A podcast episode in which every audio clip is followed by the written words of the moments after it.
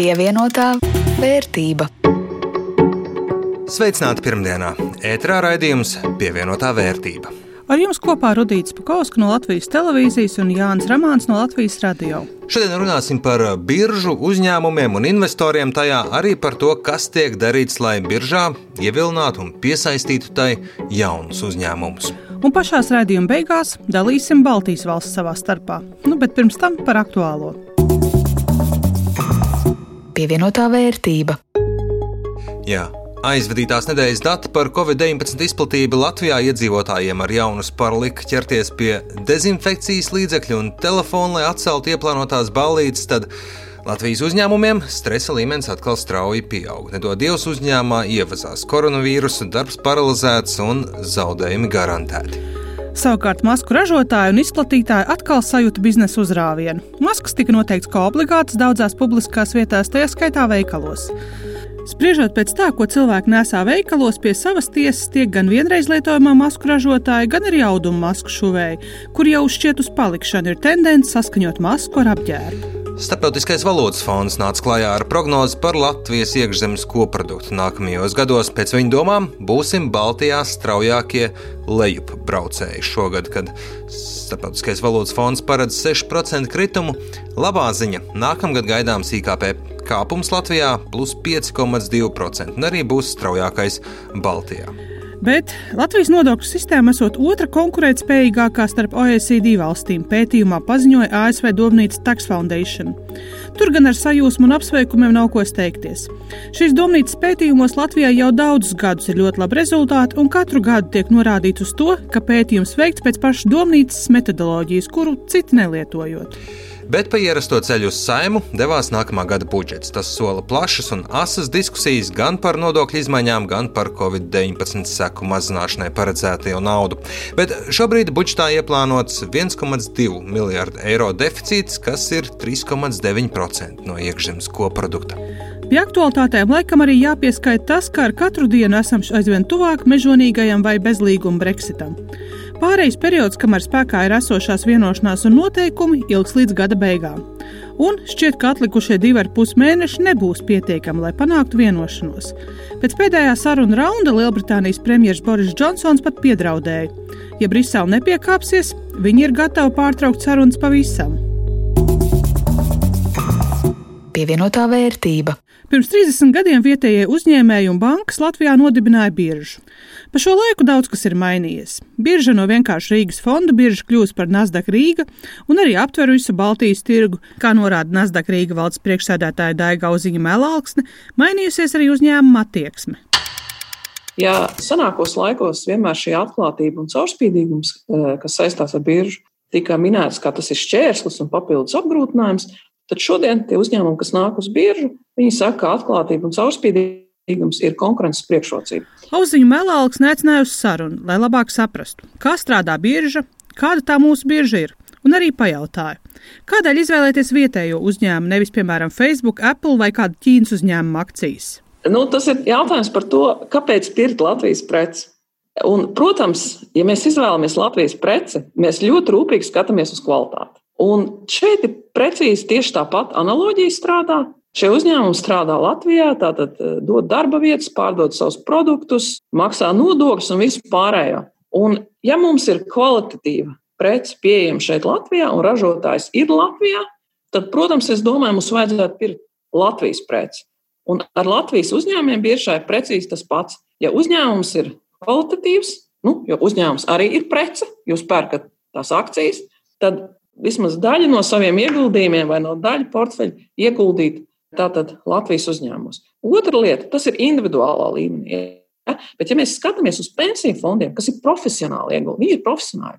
Viņi izvērtē, mums varbūt privātpersonām vai mazajiem ieguldījumiem, tas vairāk ir uz emocijām bāzēts. Ja? Oi, mēs ejam veikalā, mēs redzam, cik skaisti teiksim, ir, ir, ir, cik brīnišķīgi produkts ir, ir tur, es nezinu, Madarai, vai, vai mēs ieraugām tur eh, zāles plauktā vai kaut ko tamlīdzīgu, mums liekas, ka nu, o, tas ir Latvijas uzņēmums ļoti labi. Ja? Bet pensiju fondi savukārt ir profesionāļi un viņi skatās uz ekonomiskiem rādītājiem. Un viņiem ir arī šī spēja un kapacitāte izvērtēt, kur ieguldīt. Un skaidrs ir tas, ka arī Latvijā ir labi uzņēmumi, kuros ieguldīt. Latvijas preci tas ir labi, bet mazāk labi ir tas, ka Baltijas mērogā Latvijas uzņēmuma akciju tirgus atpaliek no kaimiņiem. Rīgas birža Baltijas kontekstā ir pat mazākā birža pēc tirgus kapitalizācijas, ja skatāmies uz akciju emitentiem. Savukārt, ja mēs skatāmies uz obligāciju emisijām un šo parādu kapitālu, tad mēs izskatāmies diezgan labi. Te mazs atgādinājums. Nopērkot akcijas, kļūstam par uzņēmumu līdzīpašniekiem, bet nopērkot obligācijas uz iepriekš atrunātiem noteikumiem, aizdodam uzņēmumam naudu. Kopumā es teiktu, ka nu, teiksim, Baltijas biržās ir apmēram 90 uzņēmumu, gan akciju, gan obligāciju emitenti. Nu, Latvijā apmēram 40. Un uz jautājumu, kāpēc akciju tirgus Latvijā ir pēdējā vietā Baltijā, uzvarošo pirmo vietu atdodot Lietuvai, bet Igaunija iekārtojot pa vidu, pajautāja Latvijas biržas vadītājai, vai arī šeit, līdzīgi kā riska kapitāla investoriem, problēma ir nevis naudas vai investoru interesu trūkums, bet gan tas, ka nav uzņēmumu, kuri savas akcijas piedāvātu tirgū. Tieši tā, šobrīd Latvijā nav pārāk daudz uzņēmumu, kuros varētu investēt. Un ir īpaši tādi lieli uzņēmumi, un, ja mēs skatāmies, piemēram, uz vērtīgāku uzņēmumu sarakstu, mēs redzam, ka galvgalī ir valstī piedaroši uzņēmumi. Un, ja valsts ir izvēlējusies būt un turpināt būt par šo uzņēmumu īpašniekiem, tas ir labi, bet vienlaikus varētu arī, kā saka, paplašināt šo īpašnieku loku un tādējādi attīstīt, teiksim, kapitāla tirgu, dot investoriem iespēju investēt, un arī privātpersonām, kas saka, investēt un, un, un vairāk domāt par savu nākotni. Runājot par investoriem, biržā aktīvi ir gan privātie, gan institucionālie ieguldītāji, dažādi pensiju fondi un tam līdzīgi. Bet, kā atzīst Auzīna Melālkste, pēdējā gadā aktīvāk kļuvuši tieši privātie ieguldītāji. Tas, ko mēs esam novērojuši teiksim, pēdējā gada laikā, ir tas, ka pieaug šo mazo investoru skaits, un tas ir saistīts ar to, ka nu, daudz bankas ir atcēlušas, vairākas bankas ir atcēlušas komisijas maksas, Līdz ar to šie mazie investori tieši sāk investēt. Un, piemēram, pagājušajā gadā mēs eh, redzējām, ka katrs pagājušā gada augustā, man šķiet, katrs 20. darījums bija zem 10 akcijām. Tad šī gada augustā katrs trešais darījums bija zem 10 akcijām. Tas vienkārši parāda to, ka arī privāti investori kļūst aktīvāki. Jo, nu, redziet, bet šis nav arī, teiksim tā, šis nav tipisks, 20. gads nav tipisks gads. Ja? Pirmkārt, Covid, ja? Ļoti, tātad eh, tirgi bija ļoti augstā punktā, tad sekoja ļoti strauji kritums, jā, ļoti liela darījuma aktivitāte. Tad atkal viss aizgāja uz augšu, tad viss stabilizējās. Komplektā ar to visu, teiksim, piemēram, Svetbanka atcēla komisijas maksas, vērtspapīra tirzniecībai un glabāšanai. Tur ir ļoti daudz elementu. Un ir grūti saprast, kuram ir izšķirošā nozīme, tomēr tā tendence ir, ir tāda, ka investori gan vietējie, gan starptautiskie arvien vairāk interesējās par ieguldījumu iespējām, tajā skaitā Baltijas tirgu un Baltijas uzņēmumus. Pievienotā vērtība. Mēneša sākumā izskanēja ziņas par Ignitis grupas akciju sākotnējo piedāvājumu fondu biržā. Lietuvas lielākais energo uzņēmums, Baltijas mērogā liels un šķiet veiksmīgs akciju sākotnējais piedāvājums, piesaistīts apmēram pusmiljards eiro. Ir kādi secinājumi arī par to? Nu, no mūsu sarunas ar Nasdaq Rīga valdes priekšsēdētāju Daigu Auziņu Melālksni apsveikumu pašam uzņēmumam un Lietuvai. Un arī iespēja atkal Latvijas politikas veidotājiem atgādināt par to, ko birža lobē jau daudzus, daudzus gadus. Biržā būtu jāpiedāvā arī daļa no lielo valstu uzņēmumu akcijām. Un, manuprāt, tas ir ļoti, ļoti svarīgi, jo šis pusmiljards principā transformējās vienā procentā no IKP. Un ir īpaši šajos laikos, kad mēs skatāmies, ka mūsu izaugsme ir, ir nu, prognoze par mūsu izaugsmu 20. un 21. gadā ir vissliktākās Baltijā, nu, es domāju, ka katram procentam ir būtiska nozīme. Ja? Un man liekas, ka tas ir viena no lietām, teiksim, Latvijā, ko arī līdz galam nesaprot arī politikas veidotāji. Man liekas, piemēram, ļoti labs citāts, ko Lietuvas Ignitis grupu vadītājs teica, ka Lietuvas valsts neuzskata, ka būtu nepieciešams finansēt uzņēmumu ar, no patērētāja maciņa un, un ar budžeta palīdzību. Tāpēc viņi iet kapitāla tirgos, piesaista ārvalstu investīcijas, un valsts iegūst vēl vairāk no dividendēm un arī no IKP pieauguma un samazina šo spiedienu uz valsts budžetu.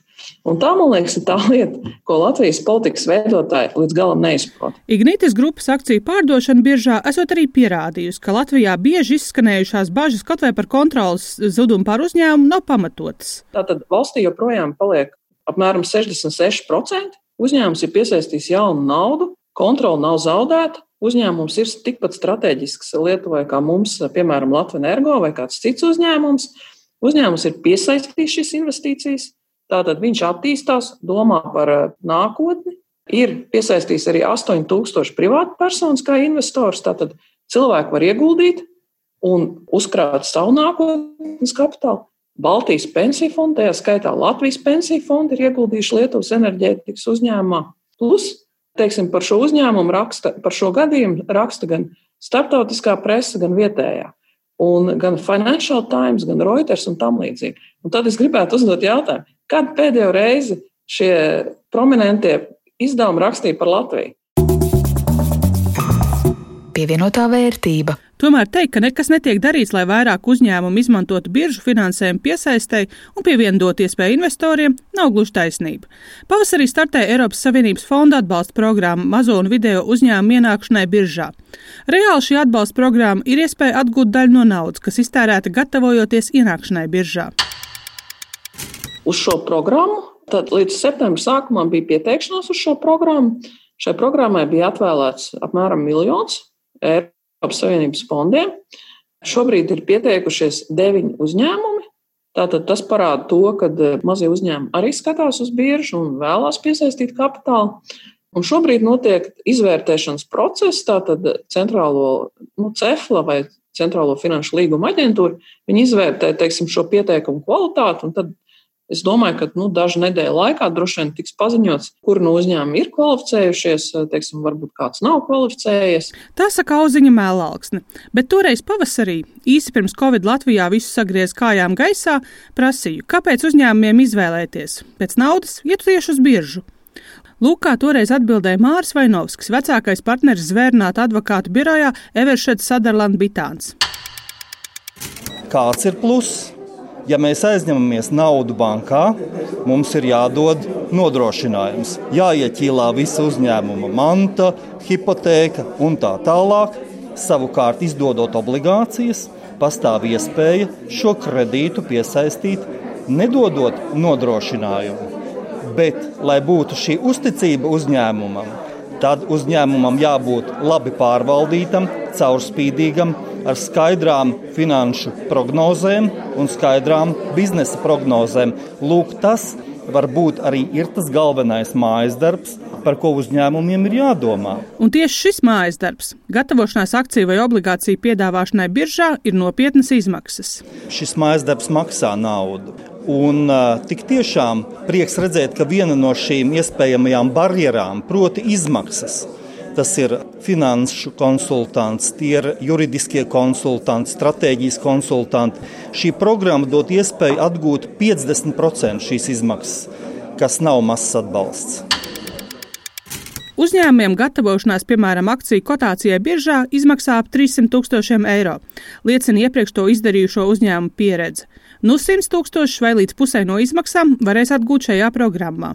Toreiz pavasarī gaidīja kādus 11 uzņēmumu pieteikumus, nu saņemt ir 9, kas gan nesot slikts rezultāts, uzsver auziņa mēlāksne.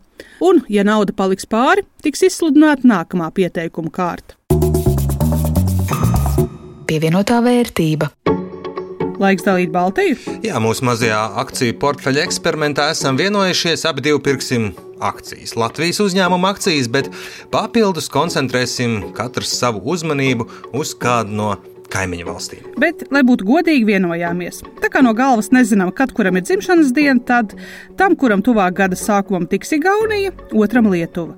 Jāni, kurā mēnesī tev dzimšanas diena? Man būs jūnijas. Nu, man ir augusts. Tātad tev tiek Igaunija. Un tev paliek Lietuva. Ko tālāk? Par to jau nākamajā raidījumā. Ar to arī skan šīs nedēļas raidījums pievienotā vērtība. To veidoja Jānis Ramāns no Latvijas radio. Un Rudīts Pakauska no Latvijas televīzijas. Par skaņu rūpējās Kaspars Groskops. Šo un arī iepriekšējos raidījumus varat atrast un arī, protams, noklausīties populārākajās podkāstu vietnēs. Tiekamies jau nākamnedēļ!